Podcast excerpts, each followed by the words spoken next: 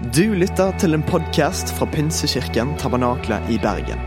Vi tror at kirken skal være en plass hvor mennesker trives gjennom alle livets faser. En kirke for hele livet.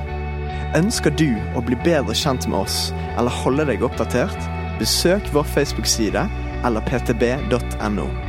Her er ukens tale. Jeg har blitt utfordra i dag på å være både litt personlig og litt rann i forhold til avslutningen av den serien som vi har som vi kaller for Glokal, eller Glokal. Står det Glokal der på norsk? Eh, det er en sammensetning av to ord, hvis du ikke har vært eh, i serien før, eh, som går på både veldig, veldig vanskelig å skjønne. Det er både glo global og lokal. Da blir det glokal. Ikke sant? Og det handler om misjon. Og eh, hva misjon er, har vi snakka litt om i disse forskjellige søndagene og fredagene. Vi har hatt eh, tema også i barnekirken, så har de hatt om misjon. Eh, og misjon er jo egentlig et oppdrag. Mission impossible. We dealing with mission possible.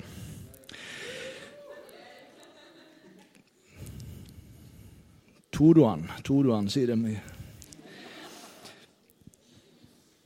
Jeg har et vers som vi skal lese til å begynne med i dag, eh, før jeg deler litt om eh, en viktig del av eh, det med misjon.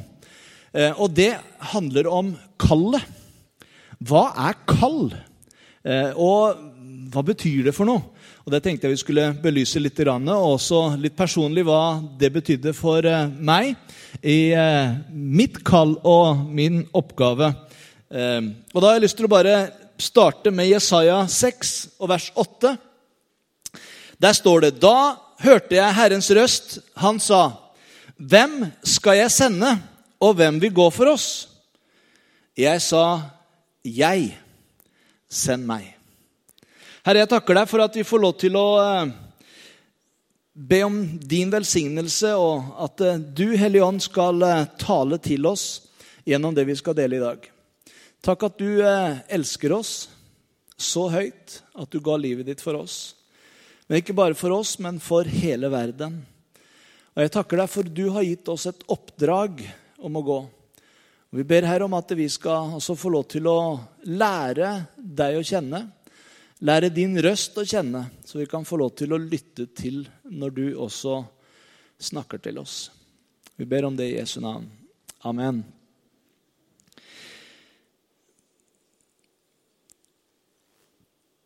Kall. Hva er det for noe? Jeg vokste opp i et uh, kristent hjem. Uh, et misjonærhjem, så jeg ble jo på en måte flaska opp med misjon ganske tidlig. Uh, I Sør-Amerika. Foreldrene mine var misjonærer i Argentina. Og holdt på å si før jeg ble født, så hadde jeg allerede misjon inne.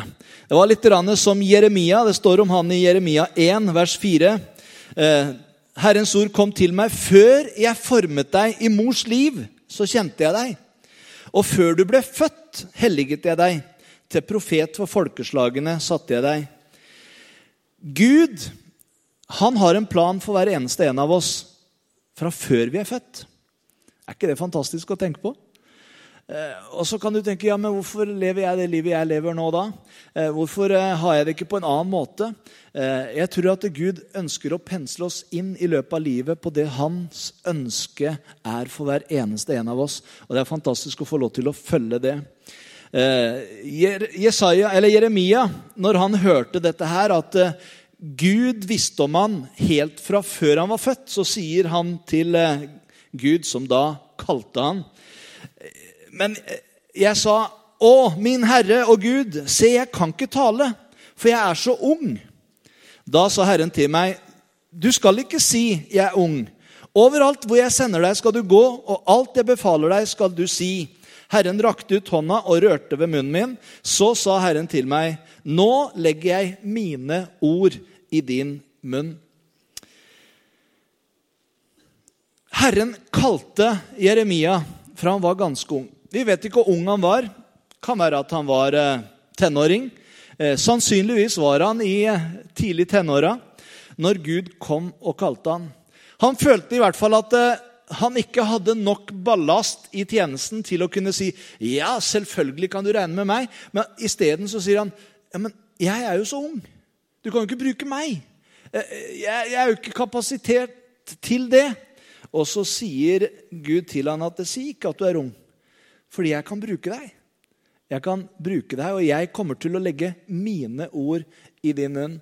Jeg tror at Gud han kaller fra ganske tidlig eh, mennesker til tjeneste og til å leve for han. Dette ordet 'kall', hva er det for noe? Det er egentlig av og til et vanskelig ord å forklare. Eh, hvis jeg kaller på noen, så skjønner vi hva det er for noe. ikke sant? Tobin, kom hit. Eh, da kaller jeg på han. Nei, du trenger ikke å komme. Det var bare brukt som eksempel. Eh, da kaller jeg på han, eh, og han vil høre min røst og muligens respondere på det. Det har han et valg på, ikke sant? Eller så kan han sitte og si 'Jeg gidder ikke'. Altså, Vi kan respondere forskjellig på et kall, men hvis vi sier det på den måten, så skjønner du litt hva kall er. Eh, men så sier jeg, men er det det samme som når vi snakker om at jeg har et kall til? Jeg tror egentlig så betyr det det samme, bare at eh, man legger kanskje litt forskjellig i det. Her er det ikke et menneske som sier du, 'Kan du gjøre det?' Eh, kan du reise ut som misjonær og gjøre sånn og sånn? Men jeg tror på et overnaturlig kall, et Guds kall. At vi kan få lov til å lytte til Guds stemme i vårt hjerte, som snakker til oss, og som gir oss et kall, en forespørsel. Hvis jeg skulle forklare for meg hva et kall er, så vil jeg si at det er en indre stemme som gir meg overbevisning om en livs, livsoppgave. Og det var det i hvert fall for meg. Gud kom og ga meg en overbevisning på innsida som ikke jeg kunne forklare, men jeg fikk bare Først så var det liksom ikke en sånn sterk lyst heller, men det var en sånn indre overbevisning. Og etter hvert som jeg begynte å respondere på den overbevisningen, så opplevde jeg også hvordan lysten til å gjøre det Gud hadde kalt meg til å gjøre, bare kom sterkere og sterkere. En eh, gutt i Bibelen som kan lære oss litt om det å lytte til Guds stemme, er Samuel. Det står om han i eh, dommernes eh, i, dommernes, I første Samuels bok 3, og fra vers 1, så kan du lese om det. Jeg skal ikke ta hele bildet, men Samuel han var egentlig et mirakel. Det var eh, ei dame som ikke kunne få barn, og hun ba Gud innstendig om å få barn. Eh, hun var barnløs. Hun var faktisk, eh, kunne ikke få barn. Eh, hun hadde det ikke sånn. Hun var steril. Eh, og eh, hun ble flesa med og ble ledd av fordi at kan ikke du få barn. Og Så kom hun en dag til tempelet og så gråter hun innenfor Gud. Og så trodde presten som var der, Eli eh, Du kan jo ikke stå her. Hun var så desperat, så hun, hun så nesten full ut der hvor hun lå og gråt og ba Gud om å få et barn. Så går Eli og sier du kan ikke være her full. Fyllesyk her. Og så sier han du skjønner, jeg er jo ikke fyllesyk. Jeg er bare så i sorg og desperat fordi at jeg ikke har en sønn. Og så kommer Gud med et kunnskapsord til denne Eli og sier han, neste år på denne tida så kommer du til å ha en sønn. Og så skjer akkurat det som Gud hadde sagt til Eli. Og hun føder en sønn som heter Samuel eh, året etterpå. Og kommer og presenterer han for Eli og sier dette er den gaven som Gud har gitt meg. Og så fikk hun ha han hjemme. Hun lovte at vet du hva, hvis jeg får en sønn, så skal han få lov til å tjene Gud hele sitt liv. Og når han eh, var ca. 12 år gammel, så kommer han til tempelet. Og så får han begynne å tjenestegjøre i tempelet. Og En dag så hører denne unge Samuel han hører at Gud kommer til han, og så sier han, 'Samuel, Samuel.' Og denne Samuel han løper inn til Eli og så sier, 'Ropte du, Eli?' 'Nei, jeg ropte ikke på deg. Gå og legg deg igjen', sier han. Og så går han og legger seg igjen, og så hører han igjen Samuel, Samuel. Og han løper igjen inn til Eli og sier, 'Eli, nå ropte du i hvert fall. Jeg hørte jo du ropte.' 'Nei, jeg ropte ikke på deg', sier Eli. 'Gå og legg deg igjen.'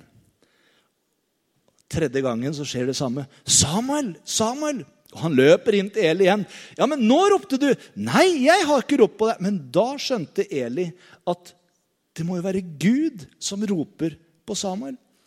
Og så sier Eli til ham neste gang eh, Det står at Samuel kjente ennå ikke Herren, for Herrens ord var ennå ikke blitt åpenbart for han. Derfor så gjenkjente han ikke Guds røst. Og så ropte Herren en tredje gang på Samuel. Han sto opp og gikk inn til Eli. 'Her er jeg', sa han. 'Du ropte på meg.' Da forsto Eli at det var Herren som ropte på gutten, og han sa til Samuel, 'Gå og legg deg.' Og roper han på deg igjen, skal du svare, 'Tal, Herre, din tjener hører.' Så gikk Samuel og la seg på plassen sin. Og da kom Herren, stilte seg foran han og ropte som før, 'Samuel, Samuel.' Og Samuel svarte, 'Tal, Herre, din tjener hører.' Og så fikk Samuel et oppdrag, en misjon. Han skulle være en profet for Israel, og han skulle komme inn og få lov til å ta over en viktig rolle i landet i forhold til å lede folket innenfor Gud igjen og tilbake til Gud, fordi de hadde forlatt alle hans regler og bud. Og Derfor så var det ille med folket. Men så fikk Samuel et kall til å være nettopp det som Gud hadde kalt han til. Det er mange personer i Bibelen som utfordra og hjalp meg min kallsopplevelse. Eh, som sagt så vokste jeg opp i et eh, kristent hjem, et misjonærhjem. Eh, og hadde jo hørt fra jeg var ganske liten egentlig at ja, du blir vel misjonær akkurat som pappaen og mammaen din. Og jeg tenkte ja, blir jeg det? Og jeg husker i tenåra spesielt så var det sånn, liksom sånn Det skal jeg i hvert fall ikke bli. Aldri i livet om jeg kommer til å bli misjonær. Og det ble en sånn trass i meg liksom, på at det er noe jeg i hvert fall ikke skal bli, så er det misjonær. Og jeg prøvde alle mulige måter å liksom unnslippe den tanken på at jeg skulle bli. Og jeg begynte å forberede meg til forskjellige ting. Eh, den gangen så var jeg litt bedre shape enn det jeg er nå, så jeg likte å spille tennis. Så jeg tenkte at en stor karriere som tennisspiller det vil være bra. Eh, så kom jeg til Norge og fortsatte studier her. Og jeg elska å sitte i alle tider som jeg hadde ledig, så lagde jeg eh, in, altså interiørkart, tegna på sånne greier. Og jeg elska sånn arkitektopplegg, og jeg tenkte jeg skal bli arkitekt av to grunner. Det er kult, og så tjener jeg rått med penger.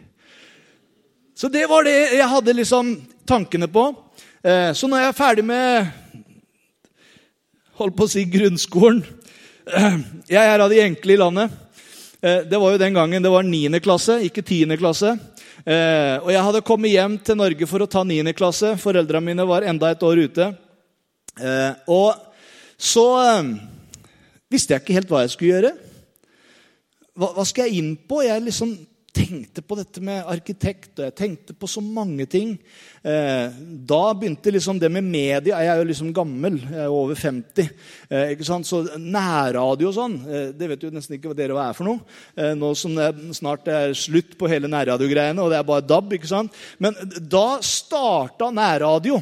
Eh, det var stort, liksom. At det liksom statsmonopol og NRK, som var de eneste som kunne sende, var det som skulle sende. og åpna opp for radio, at flere kunne drive radio. Så jeg tenkte wow, det er jo interessant. Det er jo framtida. Eh, og så meldte jeg på, meg på Hedmarktoppen på det første kurset i forhold til media. som var der oppe. Eh, og vi eh, lærte hvordan vi skulle drive nærradio. og hvordan vi skulle liksom, det var liksom før DJ-en så holdt vi på sånn DJ-opplegg med sånn ordentlige plater og sånn. Eh, og lærte å kue og alt mulig. Eh, hvordan det skulle liksom komme inn. Og det her var kjempespennende. Eh, men mens jeg var det året på Hedmartoppen, så kjente jeg hvordan Gud kom igjen. Jeg hadde liksom lagt en misjon og kall på hylla. Og så kommer Gud, og så bare kjente jeg Benjamin, er du villig til å gå? Er du villig til å leve livet ditt i tjeneste for meg og fortelle andre hva jeg har gjort for dem. Og det året jeg kunne fortalt masse om det, men det året ble veldig spesielt, og det ble en, et sånt veivalg. Hva skal du gjøre med livet ditt? Jeg kunne ha valgt arkitekt, jeg kunne ha valgt innen media, men jeg kjente at det Gud ville, og det Gud hadde på en måte ropt på meg på, det var at jeg skulle leve livet i tjeneste for ham. Jeg syns det var utrolig vanskelig. Og jeg var litt som Moses. Det står om han når eh, Gud kalte Moses. Så sier han at eh, Ja, men eh, jeg, jeg kan ikke det der. Gå nå, sier han, og jeg skal sende deg til farao. Og jeg skal føre mitt folk ut av Egypt. Og så sier Moses i eh, 2. Mosebok 4.: Hvem er jeg? Kan jeg gå til farao og føre israelittene ut av Egypt? Og litt, litt sånn følelse jeg hadde. Ja, Men hvem er jeg? Jeg har jo ikke noe utdannelse ennå. Jeg, liksom, jeg kan ingenting. Jeg, jeg vet ingenting. Og, eh, selv innenfor teologien ok, Jeg har vokst opp i et kristent hjem og vært på masse møter, men jeg, liksom, jeg er jo ikke teolog og kan ikke mye av det som Bibelen eh, sier videre, Hvis jeg skulle liksom forsvare meg i forhold til det. Og så kom alle de tinga der. Og så tenkte jeg at jeg, jeg, jeg er jo ikke så flink til å snakke for meg heller. og Jeg kunne ikke liksom mange ting. Og det sier Moses også. Ja, men jeg duger ikke til å snakke. Og han hadde 100 unnskyldninger på hvorfor noen andre burde gå, og ikke han. Vet ikke om du har opplevd det noen gang. At liksom Gud kaller deg til å gjøre ting, så tenker du at ja, men han er jo mye bedre, og hun er mye bedre. og Hadde du bare brukt hun eller han, ja, da hadde du fått kremen. altså. Og så sier jeg ja, men jeg vil bruke deg. Og så kommer unnskyldningene. Og det er lett å unnskylde seg. En annen som unnskyldte seg med at han både var yngstemann i flokken og eh, den dårligste stammen i Israel, og alt mulig, var en som heter Gideon. Er det noen som har lest om Gideon? Han er en artig kar. Han må du lese om i Dommerne. Eh, seks kan du lese om Gideon. Og han drev og treska hvete i en vingård. Fordi at midjanittene, en sånn hær som drev og ødela landet, eh, liksom var så sterk. Og så kommer Gud og så sier han, 'Gideon, jeg vil bruke deg til å slå midjanittene for å fri landet.' Og Så sier Gideon, 'Ja, men Gud, du kan ikke bruke meg. Jeg er jo den minste av alle i Manasses stamme.' og 'Jeg er den yngste i min fars hus, og jeg kan ikke gjøre noen ting.' Og når endelig han sa ja til å, å, si, eh, til å følge Guds kall, så samla han sammen en hær på 200 000 mennesker. Han tenkte at skal jeg, skal jeg i hvert fall gjøre skal jeg gjøre det ordentlig. Og så kommer Gud og så sier han det at det er altfor mange. Altfor mange. Hæ? Altfor mange. Og fra den hæren på 200 000 så krympa Gud den hæren ned til 300 mann. Som skulle gå mot midjanittene. Og så tenkte jeg ja, men da må vi i hvert fall holde på å si ha med oss De hadde jo ikke kanoner og sånn på den tida. Vi må jo liksom ha alt av våpen vi kan bære og bruke. Så sier Gud nei, jeg skal ta med dere to ting. En fakkel og en krukke. Hæ? Du går jo ikke i krig med en fakkel og en krukke. Jo, sier Gud. Og så skal dere gjemme fakkelen inni krukka. Og når jeg sier ifra, så skal dere 300 mann, stelle dere 100 mann på hver side. Og så skal dere, når jeg roper, så skal dere knuse krukka, og så skal dere la lyset lyse. Og så kommer jeg til å gjøre underet. Du må inn og lese det. Gud gjorde underet. Vet du hva de trodde? De drømte den natta Midians her, at det kom en utrolig svær flokk. At de hadde samla krigere fra hele området. At det var titusener på tusener av krigere som kom mot dem. De ble livredde. De sto opp midt på natta og forlot alt de hadde og eide, når de hørte disse her krukkene ble knust, og lysa som de så rundt overalt. Det var bare 300 mann. Men Gud lot dem tro at det var mye mer. Og så brukte Gud denne Gideon, som trodde han ikke var noen ting. Men fordi han var lydig, fordi han sa ja, så brukte Gud han til å fri hele folket. En annen som alltid har imponert meg, er en som heter Gideon. Nei, Josva. Gideon er en herrekar. Men Josva, han fikk eh, høre av Gud. Og han hadde jo sett Moses. Altså, Det var liksom the big guy. Moses som hadde dratt israelsfolket ut av Egypt og fått lov til å være med. Han var liksom Moses' visegutt hele tida. Og så kommer Gud og så kaller han Josva. Nå skal du ta over. Nå skal du føre folket inn i det lovede landet. Og så begynner Josva å liksom Ja, men jeg er jo så ung. Og så bare oppmuntrer Gud han, og så sier han, vær modig og sterk. Vær bare modig og sterk. La deg ikke skremme. Mist ikke motet, for Herren din Gud er med deg overalt hvor du går. Alle disse personlighetene i Bibelen inspirerte meg i forhold til når Gud kalte meg til å gi livet mitt til å tjene Han. Og Der på Hedmartoppen det året så tok jeg en bestemmelse. Ja, Jesus, jeg vil følge deg. Der hvor du ber meg å gå, skal jeg følge deg, og jeg skal gi livet mitt til deg. Det første jeg tenkte, er at hvis jeg skal tjene Gud resten av livet mitt, så må jeg ta et år på bibelskole. Jeg må lære mer om Gud. Jeg må lære mer om det å tjene Gud. Og Jeg reiste til eh, Trondheim. Det var den beste bibelskolen den gangen. Nå er jo den beste bibelskolen her Substans. Så hvis du lurer på hvor du skal gå på bibelskole neste år, så skal du gå på Ja, det var bra. Det er et bra sted å begynne. Å forberede seg til tjeneste når Gud kaller. Så jeg dro dit. Beste bibelskolen i, Nå snakker vi liksom for 30 år siden pluss. Eh, og eh, jeg var yngstemann. Jeg var yngstemann som fikk lov til å starte på Medialinja. Jeg var yngstemann, eller som måtte, måtte søke om tillatelse for å få lov til å være den yngste som gikk på bibelskolen i Trondheim. husker jeg Det året. Det var egentlig, eh, Du måtte være 18 år for å begynne der, og jeg fylte 18 år eh, den høsten. Eh, og, men jeg fikk lov til å begynne der. Og brukte det året til å forberede meg. Eh, og så hadde jo jeg opplevd i løpet av den tida at Gud kalte meg til å være med å plante menigheter og forkynne evangeliet, også i andre land. Eh, så de hadde et andre år på den bibelskolen hvor de eh, reiste rundt og var to måneder her og to måneder der. og litt sånn forskjellige steder. Og så sier jeg til rektoren nei, Rektoren spurte meg skal ikke du ta andre år også. Eh, hvis du skal tjene Gud, så trenger du andre år. Og så sa jeg hadde du hatt en mulighet til å kunne være i én menighet og se hvordan en menighet fungerer fra innsida. Eh, og fått lov til å være med på ledermøter og alt liksom som skjer i menigheten. fordi at jeg skal plante menigheter, jeg må vite hvordan en menighet fungerer fra innsida. Er, han var flott, han rektoren, så han ringte rundt. Og i Haugesund av alle steder så trengte de en ungdomspastor. Og så ringer han eh, etterpå så sier han, Benjamin, kan du tenke deg å dra til Haugesund. De trenger ungdomspastor der. Da får du den treninga du vil ha. Jeg snakka med pastoren der. Du skal få være med på ledermøter og være med på alt mulig og lære hvordan en menighet fungerer fra innsida. Og jeg dro til Haugesund og var der et år. Eh, og så måtte jeg jo ta det som Eh, de fleste må ta, enten militære, eller den gangen så kunne du også velge siviltjeneste. gjøre det i en menighet. Og Jeg var så heldig jeg kom bare rett over fjorden, til Sandnes. Akkurat idet Klippen Sandnes hadde flytta inn i nye lokaler, så ble jeg sivilarbeider der halvannet år og fikk fortsette å trene i menighet. Eh, Gud ordna det på den måten der. Og et halvt år etterpå så fikk jeg reise tilbake til den menighet som var min menighet, i Østfold, i Mysen. Arild Svartdal eh, var da pastor i den menigheten. Og jeg kom til han og så sa Arild, jeg har et kall til å reise ut. Og et halvt år etterpå altså jeg, Det er jo helt utrolig at de turte. Så husker jeg jeg knela ned.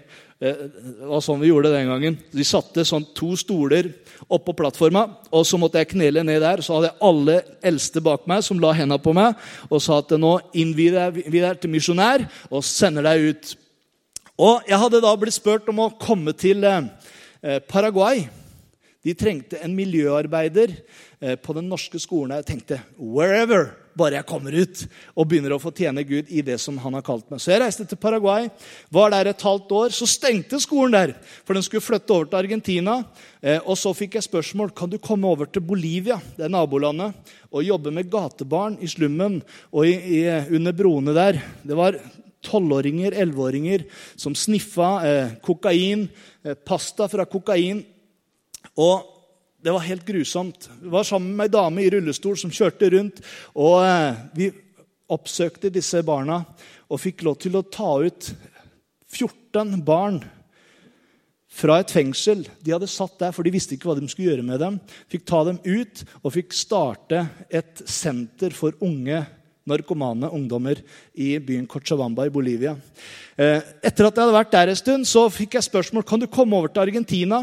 Eh, da hadde de starta en bibelskole der, og de trengte en eh, som kunne ha ansvar for evangelisering og sang og musikk i bibelskolen. Og jeg tenkte I'm coming! Så jeg kom over til Argentina. Alle de landene ligger ved siden av hverandre. Alt dette på to år. Jeg tenkte wow. Jeg følte meg litt sånn som Paulus, og så dro han dit, og så dro han dit. Og sånn har livet vært litt etterpå. Jeg har lyst til å bare vise deg det. Nå går tida snart ut. Men en gang mens de feiret gudstjeneste og ba og fastet, står det i Apostlenes gjerninger 13, sa Den hellige ånd, ta ut for meg Barnabas og Saulus, så de kan gå til den oppgaven som jeg har kalt dem til. Og etter faste og bønn la de hendene på dem og lot dem reise. Han som altså var blitt sendt ut av Den hellige ånd, dro til. Og så står det hvor Paulus dro. Men da tenkte jeg skulle fortelle hvor vi dro. Fordi at etter de to åra der, så er det sånn Og det er noe som jeg har lyst til å dele med deg. Kallet, det er livslangt. Kallet til å leve for Gud, til å tjene Gud, det er for hele livet. Men stedet du skal dra, det er ikke nødvendigvis for hele livet. Og jeg husker når jeg vokste opp, så var det veldig sånn forskjell på det. For man tenkte liksom Ja, er du kalt til India, så blir du India. Stenger India, så får du holde deg hjemme. Altså, men det er jo ikke det jeg ser i Paulus. Han var leda av Den hellige ånd. Han dro forskjellige steder. Stengte det seg et sted, så dro han et annet sted. Og så kom han liksom, kom over til Makedonia, hjelp, så dro han, dro, dro han, dit. Og så fikk han lov til å oppleve Det har vært litt reisa som vi har fått lov til å gjøre også. Etter to år som misjonær alene i Sør-Amerika så tenkte jeg at eh, det her er så bra, men ikke så bra så at jeg kunne tenke meg å reise ut aleine igjen. Så eh, mens jeg var der på slutten av de to åra, fikk jeg innbydelse å komme til Halden som ungdomspastor. Eh, og jeg hadde jo to år som jeg skulle være ute, og eh, kjente og ba over det. Og så tenkte jeg ja, det, det er jo svær, bra menighet og masse ungdom. Og yes, sier ja til det. Og så kom jeg til Halden. Og der hadde jo Gud ordna med min eh, medhjelp og ledsager og kjærlighet på pinne og alt mulig. Eh, eh, nei da. Linda, du må stå opp. Ja da, du må gi henne en klapp. Hvis du gikk glipp av talen i formiddag, så, så shame on you. Da drev hun og klatra oppi her og var Sakkeus med bart og greier. Det var helt råkult. Fordi og skulle vise litt hvordan vi starta. Og vi fikk lov til å da starte sammen i tjeneste som misjonærer. Og Det er en helt annen historie som vi kan ta når vi skal ha litt sånn, liksom, hvordan finne den rette. og sånn, kan vi ta, ta den runda der. Men i hvert fall så eh, fikk vi reise ut etter tre år i Halden. Så reiste vi ut med en to måneder gammel jente som heter Rebekka. Reiste vi ut til vår første misjonsreise og min andre misjonsreise tilbake til Argentina. For da hadde hun spurt oss kan dere komme til byen Salta. De hadde starta med noen barneprogrammer på TV og trengte noen som kunne komme og plante en menighet hvor de kunne sende de forskjellige som da hadde blitt frelst. En by den gangen på en 500 000 innbyggere. I dag er det en by på over en million. Eh, og Vi kom dit og var i eh, Argentina i fem år til sammen. Først tre år eh, hvor vi bygde menighet og gjorde akkurat sånn som vi gjorde her i formiddag. Vi gikk på parkene, og så hadde vi liksom sånne barnemusikaler. Og vi hadde forskjellig. Og når vi samla barna, så samla vi foreldra. Foreldra kom etterpå. ja, så kult og så bra. Og så fikk vi kontakt med dem, og så starta vi det vi da kaller for life-grupper, eller smågrupper. Og så starta menigheten med en smågruppe, og etter hvert som den vokste, så fikk vi etter hvert også lokale. Vi lånte en skole, vi lånte forskjellige steder. Eh, og etter eh, å ha vært hjemme i eh, ja, et år mellom, Etter tre år ute så reiste vi ut igjen og fikk lov til å være med å bygge lokalet og trene ledere og innsatte ledere som i dag fortsatt er ledere og pastorer i den menigheten i Salta. Etter at vi hadde vært der, så kom vi tilbake til Norge. Etter de fem åra så kjente vi at det var tid for å la barna også få lov til å lære seg norsk. og Vi var fire år eh, i Askim.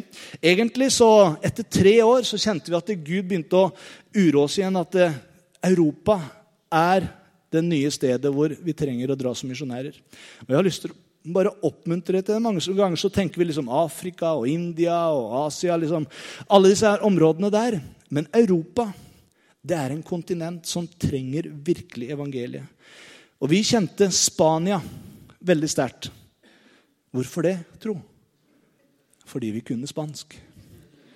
Du skjønner, Gud er logisk. Han sender deg jo liksom ikke plutselig da, nå, nå, har du lært spansk og brukt flere år til å lære spansk. Linda. Jeg kunne jo spansk, jeg ble jo født inn i spansken. Eh, eh, men så hadde hun liksom ikke sendt oss til Russland. Det kunne han jo selvfølgelig ha gjort. Da måtte vi jo lært et nytt språk. Men fordi vi allerede kunne det, så var det liksom naturlig. Under 1% evangeliske kristne i Spania. Og så har vi fått lov til å være der i fem år og tjene Gud. Eh, med menighetsplanting, eh, med disippeltrening. Etterpå så fikk vi også være med å starte bibelskole i Madrid. Eh, og så fikk vi der spørsmål etter at vi hadde vært der i fem år. Kan dere komme tilbake til Argentina og bygge samme bibelskolekonseptet der? Så vi kom til Norge, var ett år i Norge, og så reiste vi ut igjen til Argentina. Og så har det på en måte vært reisa vår i forhold til misjon ute. Men så har Gud også kalt oss tilbake igjen til Norge. og så har han sagt nå trenger jeg dere i Norge. Det var også naturlig. Ungdommene våre, ikke barna våre lenger, men ungdommene hadde begynt på videregående, og vi trengte stabilitet i forhold til det. Så vi har vært misjonærer, eller pastorer, seks år i Telemark. Og nå går vi på det andre året her i Bergen. Så det er litt vår misjonsreise. Kallet er fortsatt det samme. Vi har sagt ja til å tjene Gud. Og så bruker Gud deg på forskjellige steder på forskjellige måter. Men det som også er utfordringen til deg i dag, og som jeg har lyst til å avslutte med til slutt, det er det verset vi begynte. Da hørte jeg Herrens røst. Og han sa, 'Hvem skal jeg sende?' Og hvem vil gå for oss? Vi har hatt eh, en serie på flere uker om misjon. Misjon handler om oppdraget som Gud har gitt oss. Gå ut i hele verden og forkynne evangeliet for alle folkeslag. Det kan være folkeslag her i Norge. Det kan være at du krysser noen grenser. Og ofte så kan kulturgrensa være vel så vanskelig å krysse bare rett over gangen for blokka der du bor, til en nabo som kanskje eh, ikke tenker som deg, kanskje er litt annerledes enn deg, kanskje til og med kommer fra et annet land enn deg. Så er det å bryte noen grenser en viktig ting i forhold til det å drive misjon. Visste du at Jesus var den første som brøt noen grenser? Han ga avkall på det å være i himmelen og være Gud. Og så kom han, og så ble han født på vår jord. Og så lærte han å være menneske som oss. Hvorfor det? Jo, fordi han hadde et oppdrag, han hadde en misjon. Og det var at du og jeg skulle få oppleve frelse.